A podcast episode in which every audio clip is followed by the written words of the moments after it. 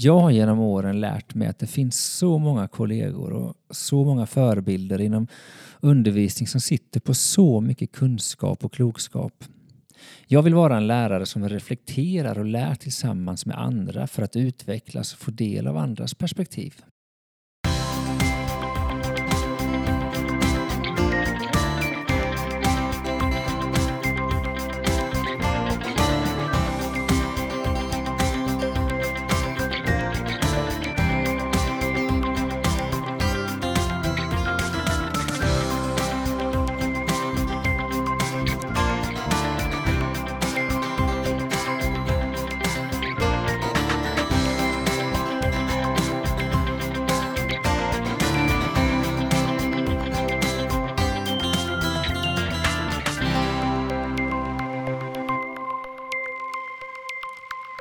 Och välkomna till podden Jag vill vara en lärare som. En podd där vi pratar om lärande. Vi som gör detta heter Daniel Dahlström och Daniel Johansson. Och vi jobbar båda som SO-lärare på Furulidskolan i Aneby. Ja, idag är det ett väldigt eh, säga annorlunda men det är ett speciellt avsnitt för oss att göra. Ja men det är det verkligen och eh, du säger i introt här att du gillar att eh, lyssna på och reflektera tillsammans med andra. Ja, och, och, det gör vi ju ganska ofta, men idag ska vi prata med en man som bor ganska långt bort ifrån oss i en annan världsdel, på att säga, men det är det inte, men på en annan, det har vi mellan. Ja, just Så är det.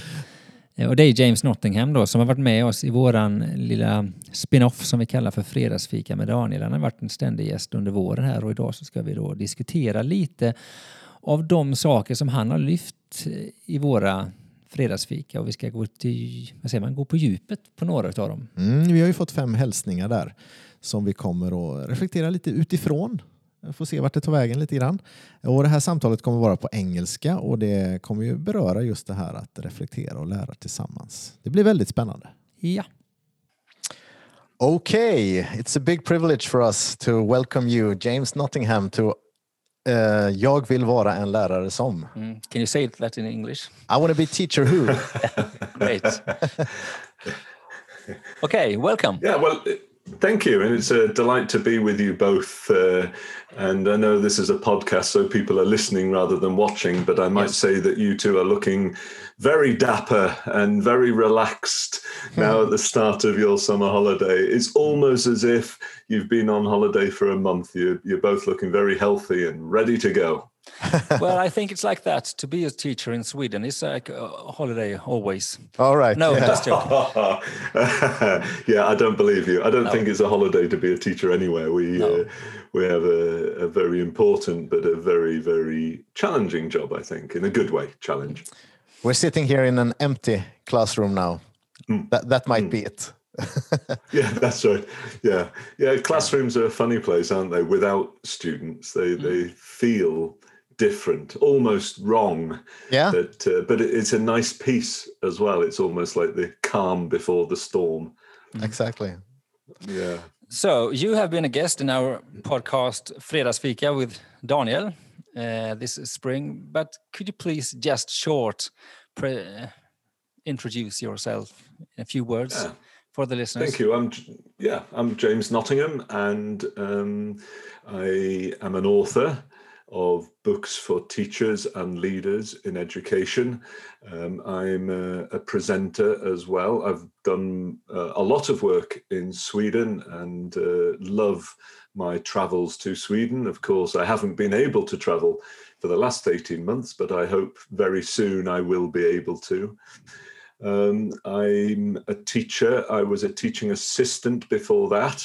Um, I've been a teacher and I've taught students between the ages of three and 18, and I've been a leader in a school also. And then I started the company Challenging Learning in 2006 here in the UK.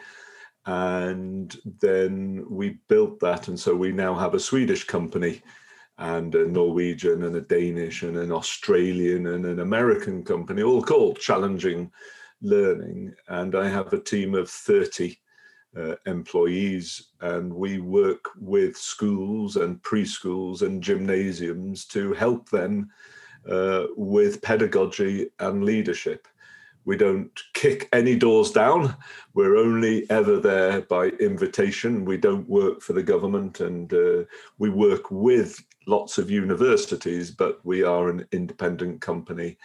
And we mainly focus on how to engage students in deep learning and helping teachers to work smarter, not to work harder. We, we don't need to work harder I give you an example, and maybe we'll talk about this later. But feedback. Mm-hmm. Um, I noticed a group of schools recently uh, reflecting on the fact that they need to give more feedback, and I think, well, I've never come across a school that needs to give more feedback. What we need to do is give different type of feedback that yes. so that students use it better. So it's not about working harder it's about working smarter. We already have extraordinarily hard-working people in education, mm. and it's it's so that's not what we need more of. We need um, to work out what is it that's going to make the biggest difference here, mm-hmm. and so that's what I am interested most in.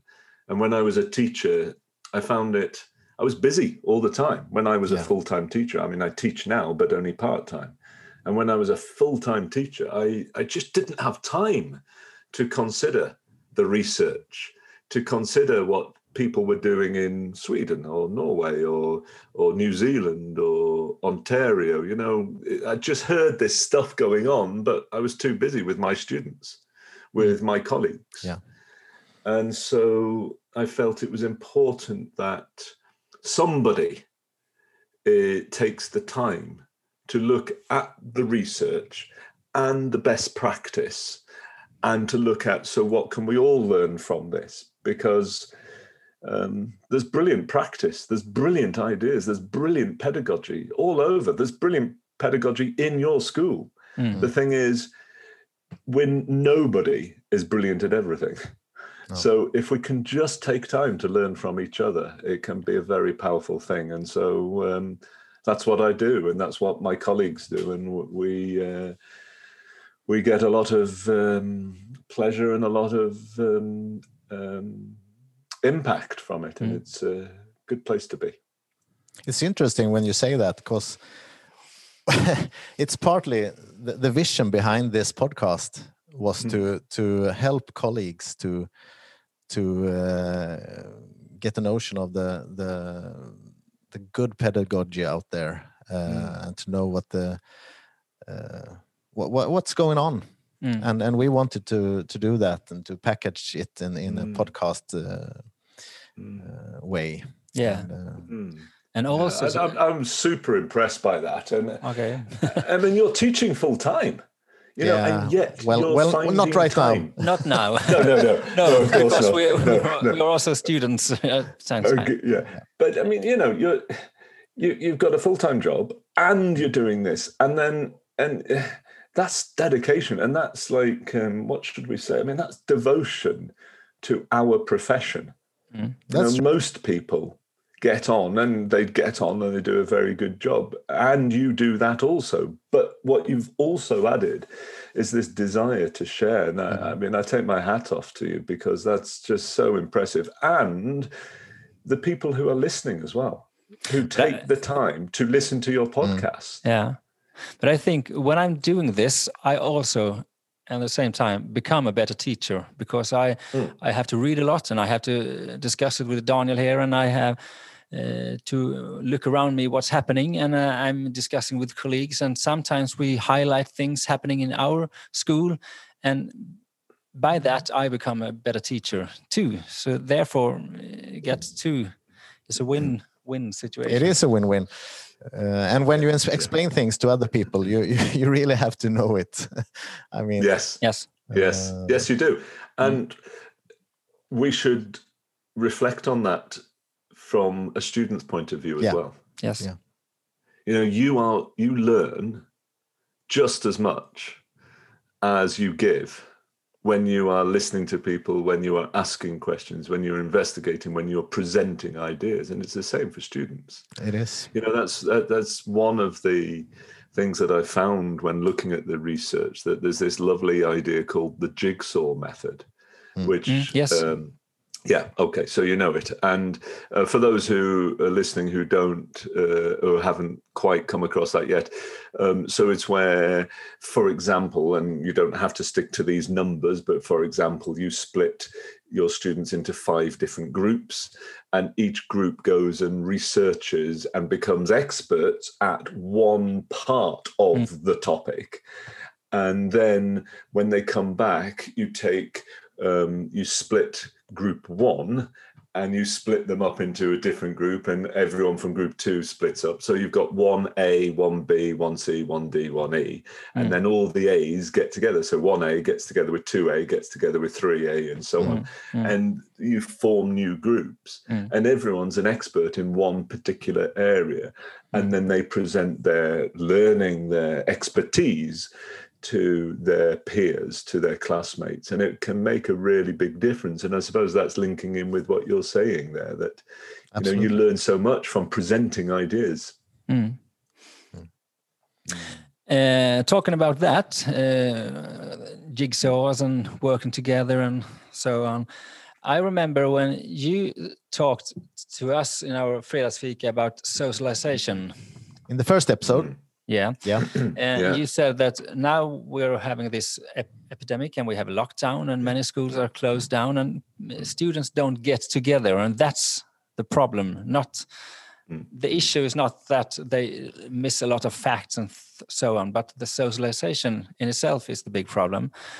And uh, I think when I, I hear that, I think that when we do these practices as jigsaws and things like that, when they are supposed to work together, I think that needs training and practice for the students to do that. Because when i talk to, to students some some think it's hard to work together.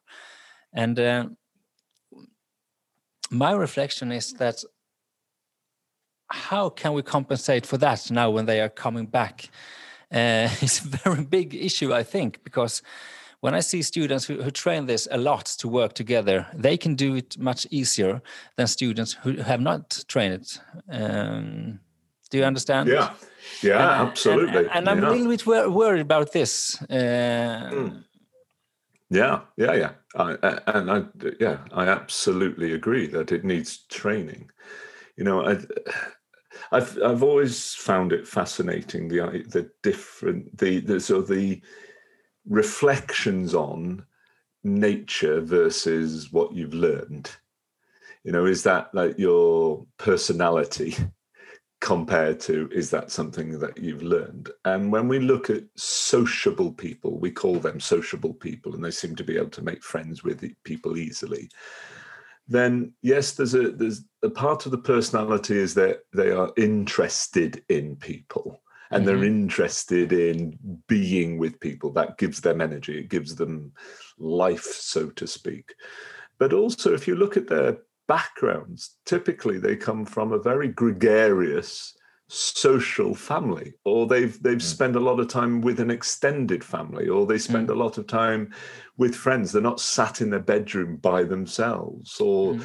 you know so they've learned a lot along the way mm. The problem is there's a lot of students who haven't who come from uh, from really quite um, what shall we say? I wouldn't say unsociable, but they, they don't spend very much time with other people. And I, I saw some research recently, and I, I, this was in the USA, so you know we can't extrapolate it to Sweden or to the UK, but that two thirds of teenagers in the USA eat their meal in their bedroom in front of a computer. Mm. I hmm. mean, my my head just exploded at that. Like, what what what, what do you mean two thirds? Mm. So most kids aren't sat round a table with their family talking. Hmm. Most kids mm. aren't sat with other people. I mean, isn't a meal, isn't meals are all about that communication. I mean, right from when we were living in caves, for goodness sake, you sat round a fire. And it and, and I mean that's why we all enjoy a barbecue, isn't it? Because you hmm. stand round the fire and hmm. you talk and and you eat together and, and our, our celebrations in life generally involve some sort of banquet Yeah. affair where you, you're with people and you're eating together and so that that sort of blew my mind when I found out. Okay, so that's one country, the USA, and so we can't say it's the same in Sweden. But even if it was twenty percent, Yeah. of students spend every meal by themselves in front of a computer, Mm. then that twenty percent is in your classroom, Mm.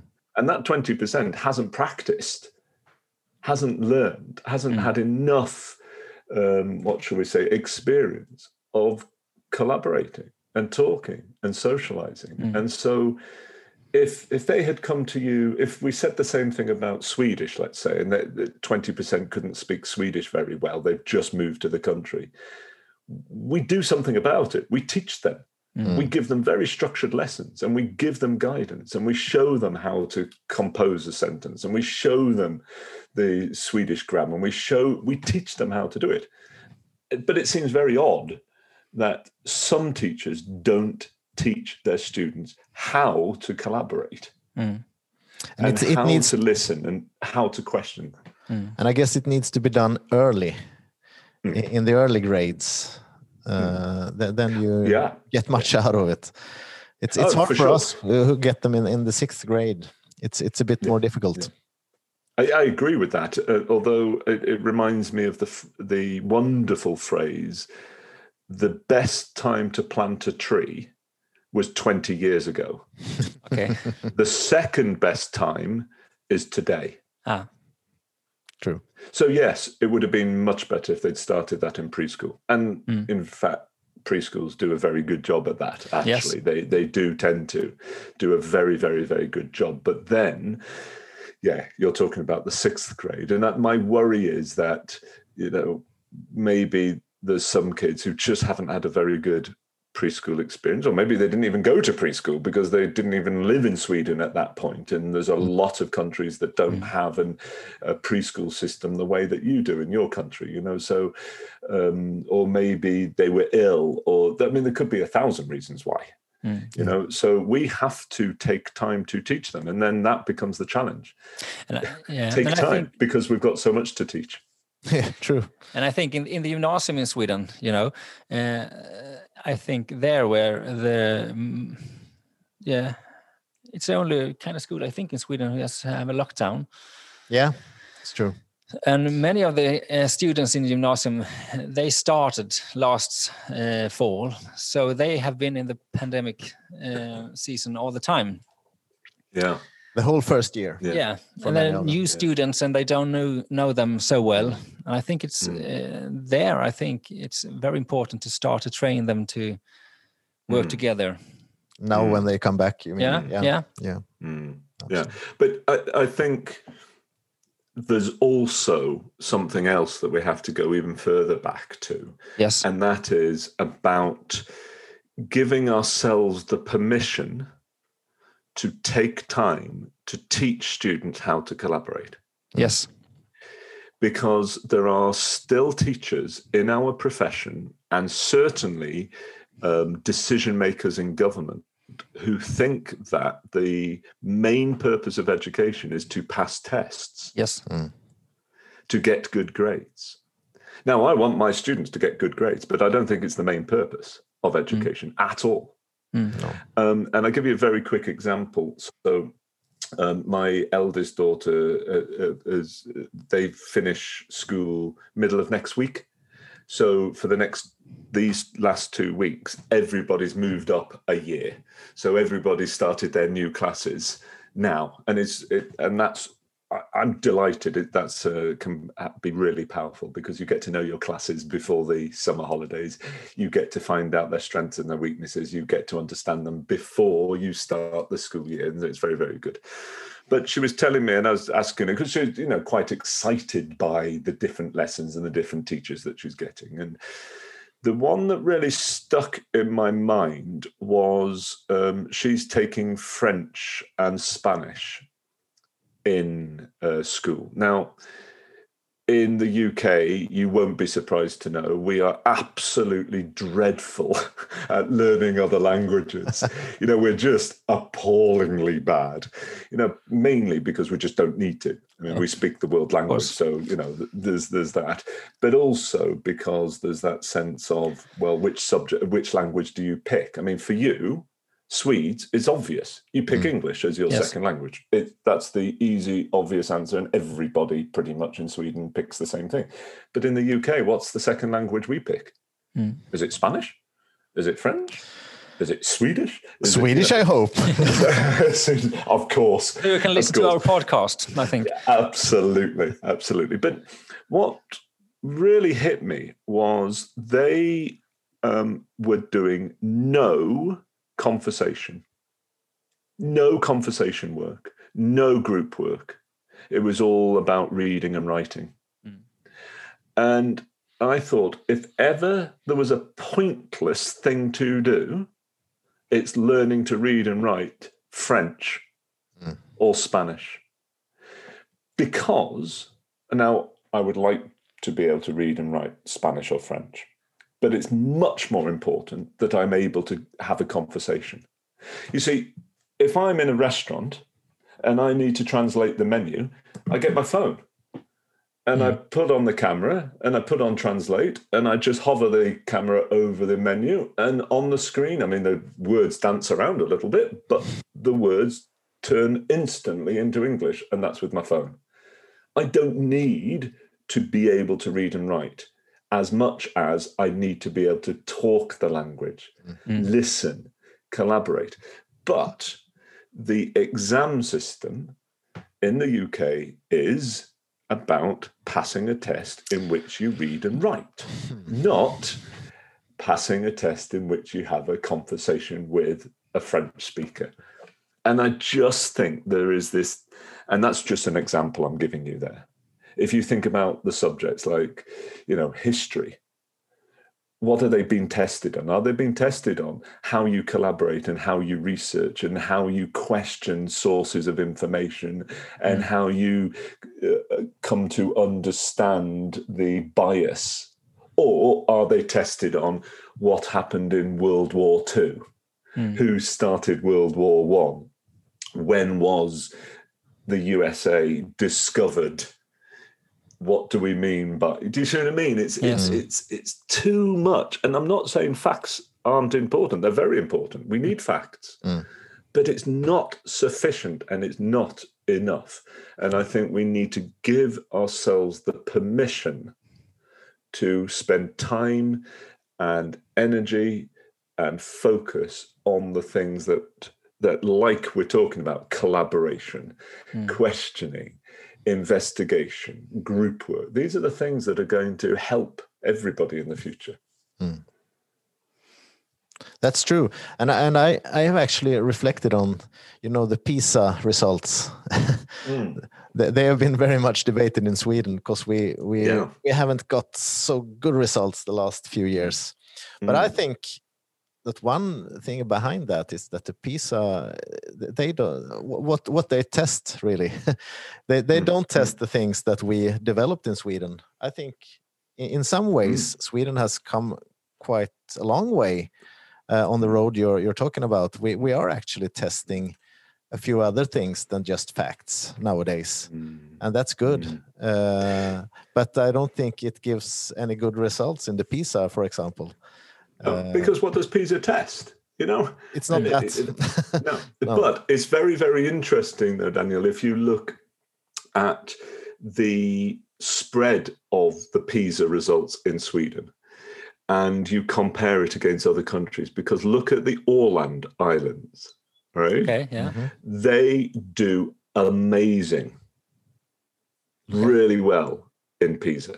Mm-hmm. And even they're like the top group in Finland, the Åland Islands. Okay. Mm-hmm. What's that? My theory, and it's just my theory, so you know, I, I haven't written a doctorate on it yet, but my theory is this: in the Åland Islands, they've got the best of both worlds. Mm-hmm. They've got the Finnish sense of let's do what we need to do let's be very deliberate and very systematic and let's follow from A to B to C to D to E. So they're very good at that. But they also have the Swedish mentality towards creativity. Whereas you Swedes say, well, why do you have to go from A to B to C? Why can't we go from A to F? And maybe from F to H, because that might give us something different. But let's see what other people think. Let's compare that. And you do creativity brilliantly and put those two together, and you've got world class education. That's very Problem interesting. is, with PISA, they don't test creativity anything like as much as they test information gathering. And so I think, you know, you, okay, so your neighbors, Finland, have done much better than you in PISA, but then look at the entrepreneurial output of each country. I mean, I can think of obviously IKEA, but I can think of uh, Pirate Bay, I can think of Skype, I can think of Saab, I can think of Volvo, and so on. When when I think of Finland, I think of Angry Birds, and that's it. And I, I, I'm not dismissing Finland because it's a beautiful country and I love working there. But I do think that in Sweden, you are world class at entrepreneurial thinking and creativity. But PISA doesn't test that. No, that's true. No. So, if we haven't lost Finland in 1809, Everything. I love Finland. I love Finland. Although I did, I did wish that uh, they didn't uh, beat Denmark the other day because I think that Oh. was a, a that was bad, bad news. I mean, but of course it wasn't their fault. They were there to play a game. But uh, Yeah. poor old Christian Eriksen. But I'm glad that it, at least he's uh, been brought brought back to life. Yeah. That was a, a strange game. Very strange. Yeah. Very strange. Uh, I, I was thinking uh, about this first episode about socialization. Uh, if if anyone would have asked me what what is the most important thing for a parent or a teacher to to uh, do during the pandemic, my answer would have been a bit different from yours. I think, Okay. and and that Yeah. challenged me because I I would probably have said something like. Uh, focus on the on the main abilities, the, refl- the reflection and uh, uh, the analysis and, and such things. Uh, so let's keep the, the kids. Uh, let's let, let's help them keep developing those uh, abilities during the pandemic. Uh, do not worry about the facts. I, I would have said Mm. too, Mm. but but uh, focus on that. Then they'll be fine when they come back. Uh, and that's a, a bit of a difference from yours, uh, from your answer. yeah. How do you uh, reflect on that? To be honest, I think it for, and I know the pandemic hopefully is gone or going anyway at the moment, you know, um, and I hope that we don't have a repeat of this. And I think if we do have a repeat, we'll begin, we're going to be so much better prepared. Mhm. you know, I mean, you look at the the Asian countries who have responded brilliantly to the pandemic. Well, of course they responded brilliantly because they had the SARS epidemic uh, uh, so 10, 15 years ago. And so they knew how to deal with it, you know, and they took it seriously. Um, but let's, whether or not we repeat it, I think the emphasis is always about encourage your children and do anything and everything you can to help them to love learning. Mm. Mm. And it doesn't matter whether what they're lo- what they're learning is to play the guitar, or whether they're learning how to speak French, Mm. or whether they are learning something in maths that they were doing in school. To be honest, I don't think it matters as much now it would be nice if they learned things that then were used in school afterwards and then they felt a sense of confidence. That would be nice. But I think the most important aspect is that they build a love of learning and it might be you know they they, they um, i was talking to one of the, uh, one of my friends recently and she was saying that um, her teenager who had never ever ever shown an interest in mechanics at all learned how to take an engine out of an old car, Yeah. strip it down, clean it up, rebuild it, and put it back into the car during lockdown. And he just used YouTube for it. And he'd never shown an interest. And so he's gone back to um, uh, gymnasium with a much greater confidence that he can learn pretty much anything because he'd picked something that he had no knowledge of at all. And by the end of the pandemic, yeah, he knew quite a lot. Mm. And he's not studying mechanics at gymnasium. But I think that confidence Yeah. that he can say to himself, I can learn anything here. Mm. You know, and when um, I work with Carol Dweck, who, as you know, is the researcher behind growth mindset, Mm. she says that the most powerful phrase in growth mindset is "I can figure it out."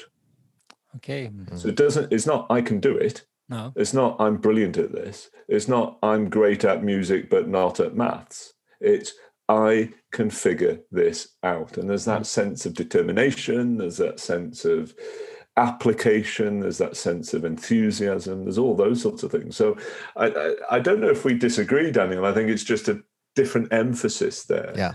And it's you're a father, and it's for you to decide with your uh, family, your children, what's important to you. And we and I, my my wife and I, we decide for our children as well, and, and it's different, of course, you know. And and I'm very sorry to say we didn't spend lockdown learning Swedish, and I regret it already to this day. but we we did other things instead. And so long as they think learning is enjoyable, Mm. learning is interesting, then does it really matter what it's that, that, that what it is that they're learning?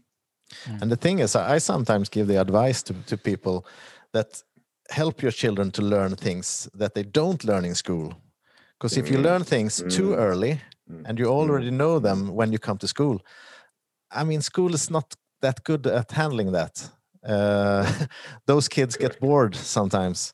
So it's better to, to learn how to to uh, to uh, take an engine out or uh, learn about the dinosaurs or whatever. Learn how to learn and love learning. Uh, Yes, yeah, that, that that's. Uh, I think you're absolutely right. Um, I would say it's also to do with the um, what should we say the degrees of that. Mm. You see, if I'm way, way, way ahead of everyone in my class, then I'm going to be bored out of my brains. Mm. And it, unless I've got an amazing teacher who can personalize it, yeah. I'm going to be bored out of my brains. But if I know just a little bit more than the majority, then I'm in a very good place Mm.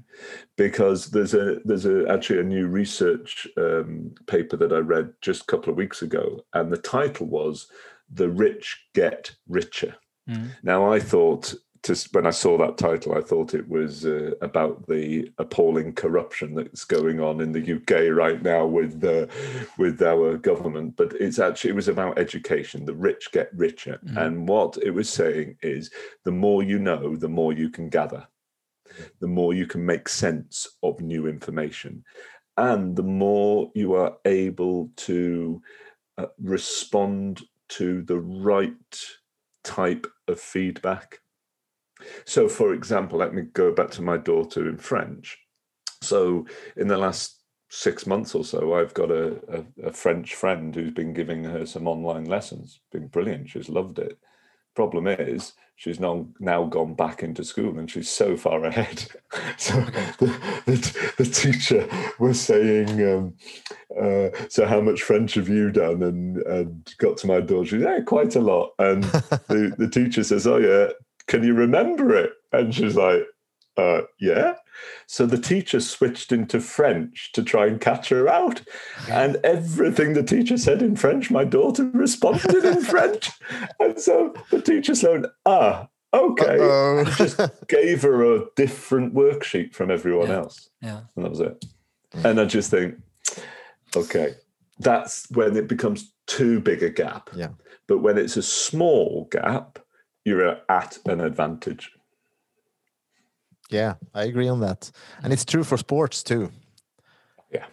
Absolutely. Very true there. I think, Mm. and you get the Mm. attention from the from the coaches and the. Yes, yes. But let's not go. Well, isn't it, isn't it something about, hasn't the majority of ice hockey players in Sweden, and it's something about they're born in, in like, there's a period in the year where a lot of them are born because that made them the bigger kids, the stronger kids, the more developed kids in that year group. It was something like that. I, I think it was the NHL actually. Uh, Okay, I, I've, I've okay, heard some research okay. about the, Yeah. the majority are born in February or or uh, or January. yeah, yeah. Uh, the majority of the players, because Yeah, then they are a bit bigger and they get more attention and they get to Yeah. to uh, play for two t- teams maybe during their uh, junior years, and yeah, so yeah, they yeah, develop much yeah. more. Uh, well, Yeah. Okay, let's move on, actually, yeah, Daniel. yeah. Yeah, Mm. but when we're talking about this, about uh, g- uh, being a little bit better uh, or ahead, you Mm, said. Mm, mm. Uh, I, I'm thinking of uh, you were talking about motivation and challenge sometimes when we listen to you, and um, I think of Vygotsky and his zone of um, Mhm. proximal development. Mm, yeah. and and i think it's a challenge for me as a teacher when i have say 25 or maybe 30 students in the same classroom to find the right level of challenge for everyone Mm. Uh, and that's one of the biggest challenges i think as a teacher with a lot of Mm. students Mm. so i would like to have some tr- tips and tricks from you if you have any no but Yeah. are there any shortcuts to to Yeah. recognize and identify the limits of this proximal zone or Yeah, I, that? on the one hand, it, it's worth saying to ourselves the chances of getting all 25 to 30 students in the zone of proximal, their zone of proximal development No. at the same time is just almost impossible. Almost. So that doesn't mean to say we shouldn't try, but it does mean to say we've got to be gentle on ourselves and Yeah. realize that, you know, it ain't going to happen because then- we've got so many kids in the class. and maybe that's the key to be gentle to Mm. yourself in that uh, Yeah. perspe- Totally. perspective Yeah, yeah, it is about being gentle. But even then, it's like gentle and yet not giving up. No. it's not taking the, oh, well, in that case, what's the point? You know, like um, I told you before we, we started recording that swimming, I, I love swimming. Now, I'm never going to be an Olympic swimmer, no but that doesn't mean to say, therefore, I should give up. no I'm getting better. Mm. You know, I'm improving. You know, I'm swimming more lengths in the time I've got in the pool than I was three months ago. That Mm. feels good, but I'm still never going to win a, an Olympic medal. So I think we've just got to be gentle on ourselves. We're never going to get every student into their zone of proximal development every lesson. It's just you're not gonna. But that doesn't mean to say you should stop trying to. You know, and it, it, so it's about being gentle, but also about challenging ourselves. So I think that's one thing. The second thing is, insofar as possible, and this could be an age dependent thing, but you were talking about grade six before, and I would suggest that grade six could manage this, but um, uh, insofar as possible, you get your students to understand pedagogy Mm. and understand our our goal here is for each and every one of us to be out of our comfort zone. That doesn't mean Yeah. to say doing things that you can't do. It means to say doing things that you struggle to do. Mm. You know, and uh, one way to say that to students is, you know, give them all an elastic band and say, right, what I want you to do is stretch that elastic band. Don't stretch it so much that it snaps, but mm-hmm. I want you to when you stretch it a little bit, that's that's what an elastic band's for, to mm-hmm. stretch a little bit. You know, if you don't stretch it at all, it's not really being used very well. You've got to stretch it a little bit. Now, this is the challenge for all of us in this classroom. Together, you and me are going to try to get you into that stretch where your mind feels stretched or your body feels stretched or your your fingers if you're trying to play the guitar you know you shouldn't find it easy You shouldn't be doing something that you just can't do for another year or two, but you shouldn't be doing things that you could do easily. You've got Mm. to be doing things that you really have to concentrate, that you are going to get wrong now and again, that it is going to be a bit of a struggle. So you get the students on side. Mm. Another thing to do is to um, design lessons or design activities within the lessons and introduce them to the kids and say, right, I've designed three activities here. If the activity that I assign you to, if you find it's really easy for you and you can get it done, let me know. I'll take a look with you. And if I agree that, yeah, it's straightforward, easy, and you've got it done, I'll move you on to the next task straight away Mm. If you find the task that you're doing is a little bit of a struggle, um, is a little bit confusing, it's stretching your mind or your body a bit, brilliant. Mm. Keep going. Mm. True. Keep going with it. If you're finding that you just have no idea where to start and you're just like looking at it and thinking, well, this is way beyond me, then talk to somebody else in the same group see if they can help you make a Mm. start. And if they can't, then let me know and I'll see if I agree with you. Mm. And if I do, then I'll get you to try the task before. Yeah. I'll get you to get try the sl- slightly easier task to get you going with it. And so what I'm I'm describing to my students is the the ideal is they're struggling. You see, there's an awful lot of students who think the ideal is they find it easy. Mm. Yeah. Yes. There's a lot of students who think, yes, I can do this. And they, there's a sense of satisfaction that I'm very good at it and I can do it. And we want them to be dissatisfied Mm. if they can do it easily. We want them to be saying, but this is a bit too easy for me. I need the next thing. I really like that uh, rubber band image Mm. because if you stretch it, you can also make it take off. You can make it fly. Great. Brilliant. Add that. Add Yeah. that. Yeah. Yeah. Brilliant. Yeah. Okay. So get it like that. There's no stretch at all. And now let go with one of your thumbs. What happens? Nothing. Nothing. Nothing. Stretch it and let go. See Yeah. what happens. Just Mm. make sure it's not into somebody's eye. but I mean, It- but that's great. That- yeah, And that's true too. yeah, absolutely. But that's a lovely, lovely addition to that, Daniel. Yeah. Okay. And just make sure that your students understand that. Yeah. I mean, that's a massive part of culture that, you know, we, most of the work we do is long-term work in schools and preschools, and and we we visit schools to begin with to find out where they're at and what's going on, and we look at what's happening with feedback, and we listen to the conversations, and we we look at dialogue, and we we look at mindset and so on, and to find out where they're at first, so that we can give them advice about where next. Mm.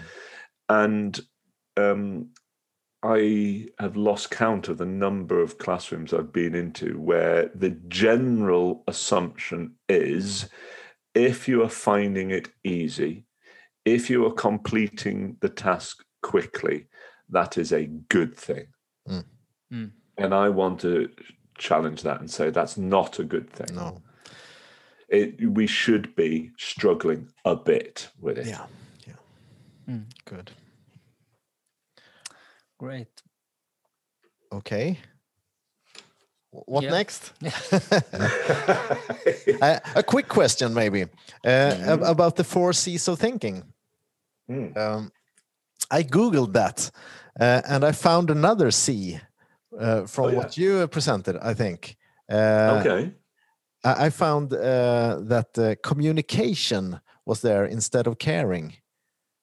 Uh, have you uh, reflected on that or uh, seen that in some other?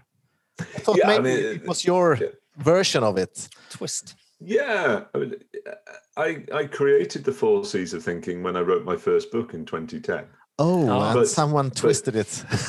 Yeah, yeah, but maybe they haven't seen it. Uh, No. What I've done, or you know, um, uh, yeah, I'm, I'm sure lots of people have thought of very similar, or maybe even exactly the same things in the past. You know how creativity is. We, uh, and I don't know if if it was the. I mean, I I, I think the learning pit that I created is is much more unique but I think Ah. the Yeah. four C's of thinking is is quite a a common idea, albeit I called it the four C's of thinking, but which is new. But so critical and creative thinking. I mean, l- millions of people, literally millions of people, talk about critical thinking and Yeah. creative thinking, and then there's caring and collaborative.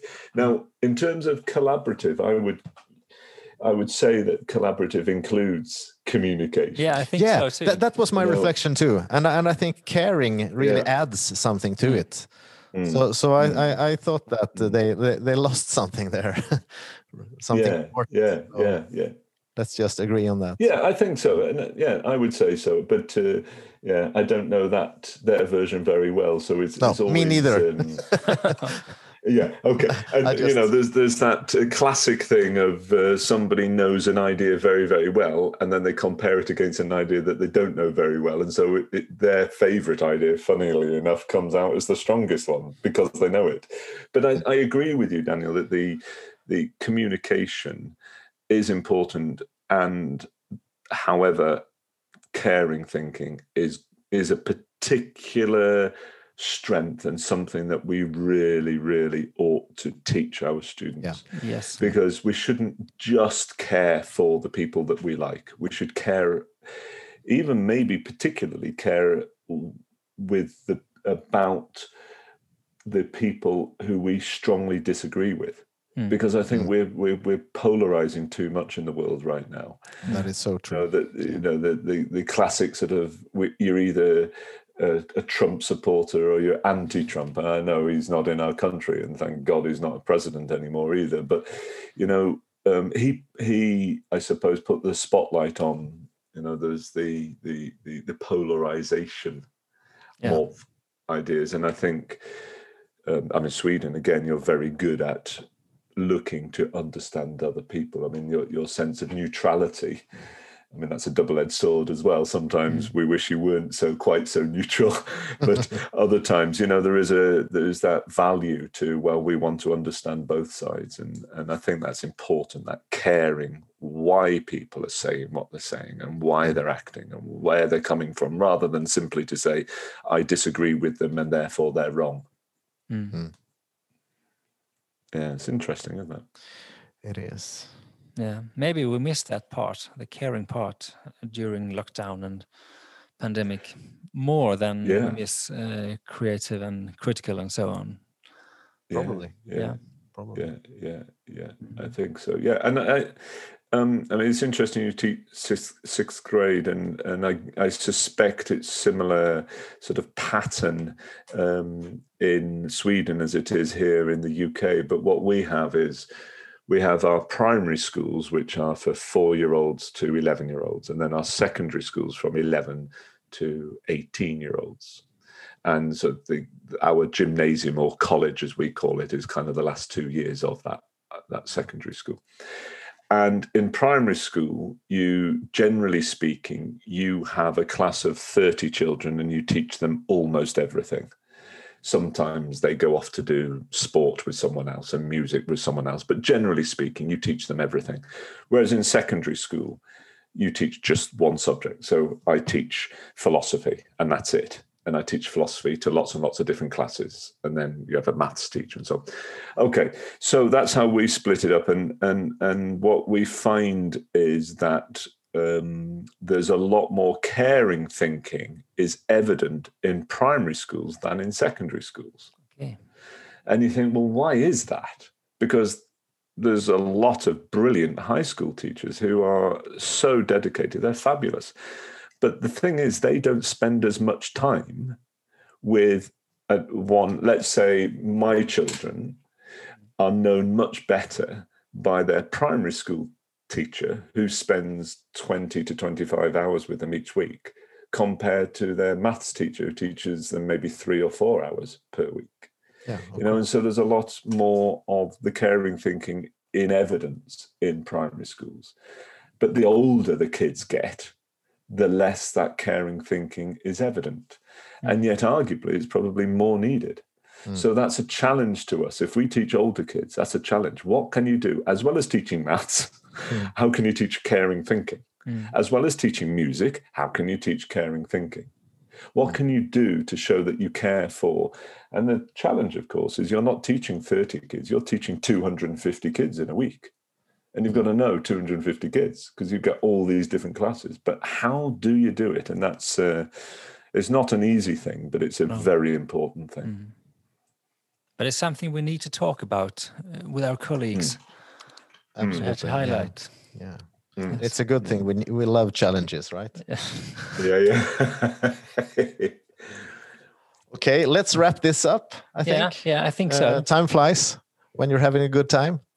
oh, yes. It's Yeah. been brilliant talking to you, James, and uh, we really enjoy this. Yes, a lot. And let's do this again sometime. Let's do it again. Uh, Yeah.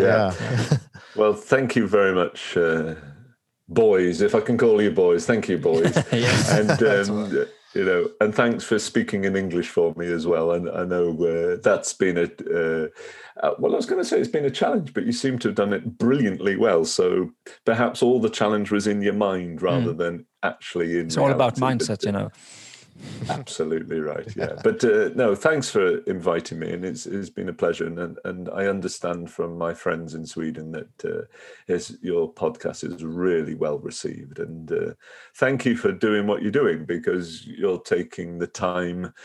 As well as your full-time job, you're taking the time to share ideas with people, and and thank you to the people listening. You know, uh, um, when you finish work, a lot of people want nothing to do with work, but you know, to listen to a podcast, that's a that's a dedication in itself. So It is. Thank you very much, James Yeah, Nottingham, for for very, very uh, welcome.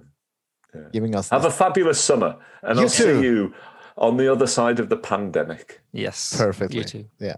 See Okay you. then. Hey do. Bye bye. Du har lyssnat på podden Jag vill vara en lärare som, som idag var en sommarspecial med författaren och föreläsaren James Nottingham. Följ oss gärna via vår Facebook-sida Jag vill vara en lärare som eller vår hemsida jag vill vara en lärare som.se. Lyssna på oss gör du via Soundcloud eller någon annan sida eller app där poddar finns, till exempel Spotify.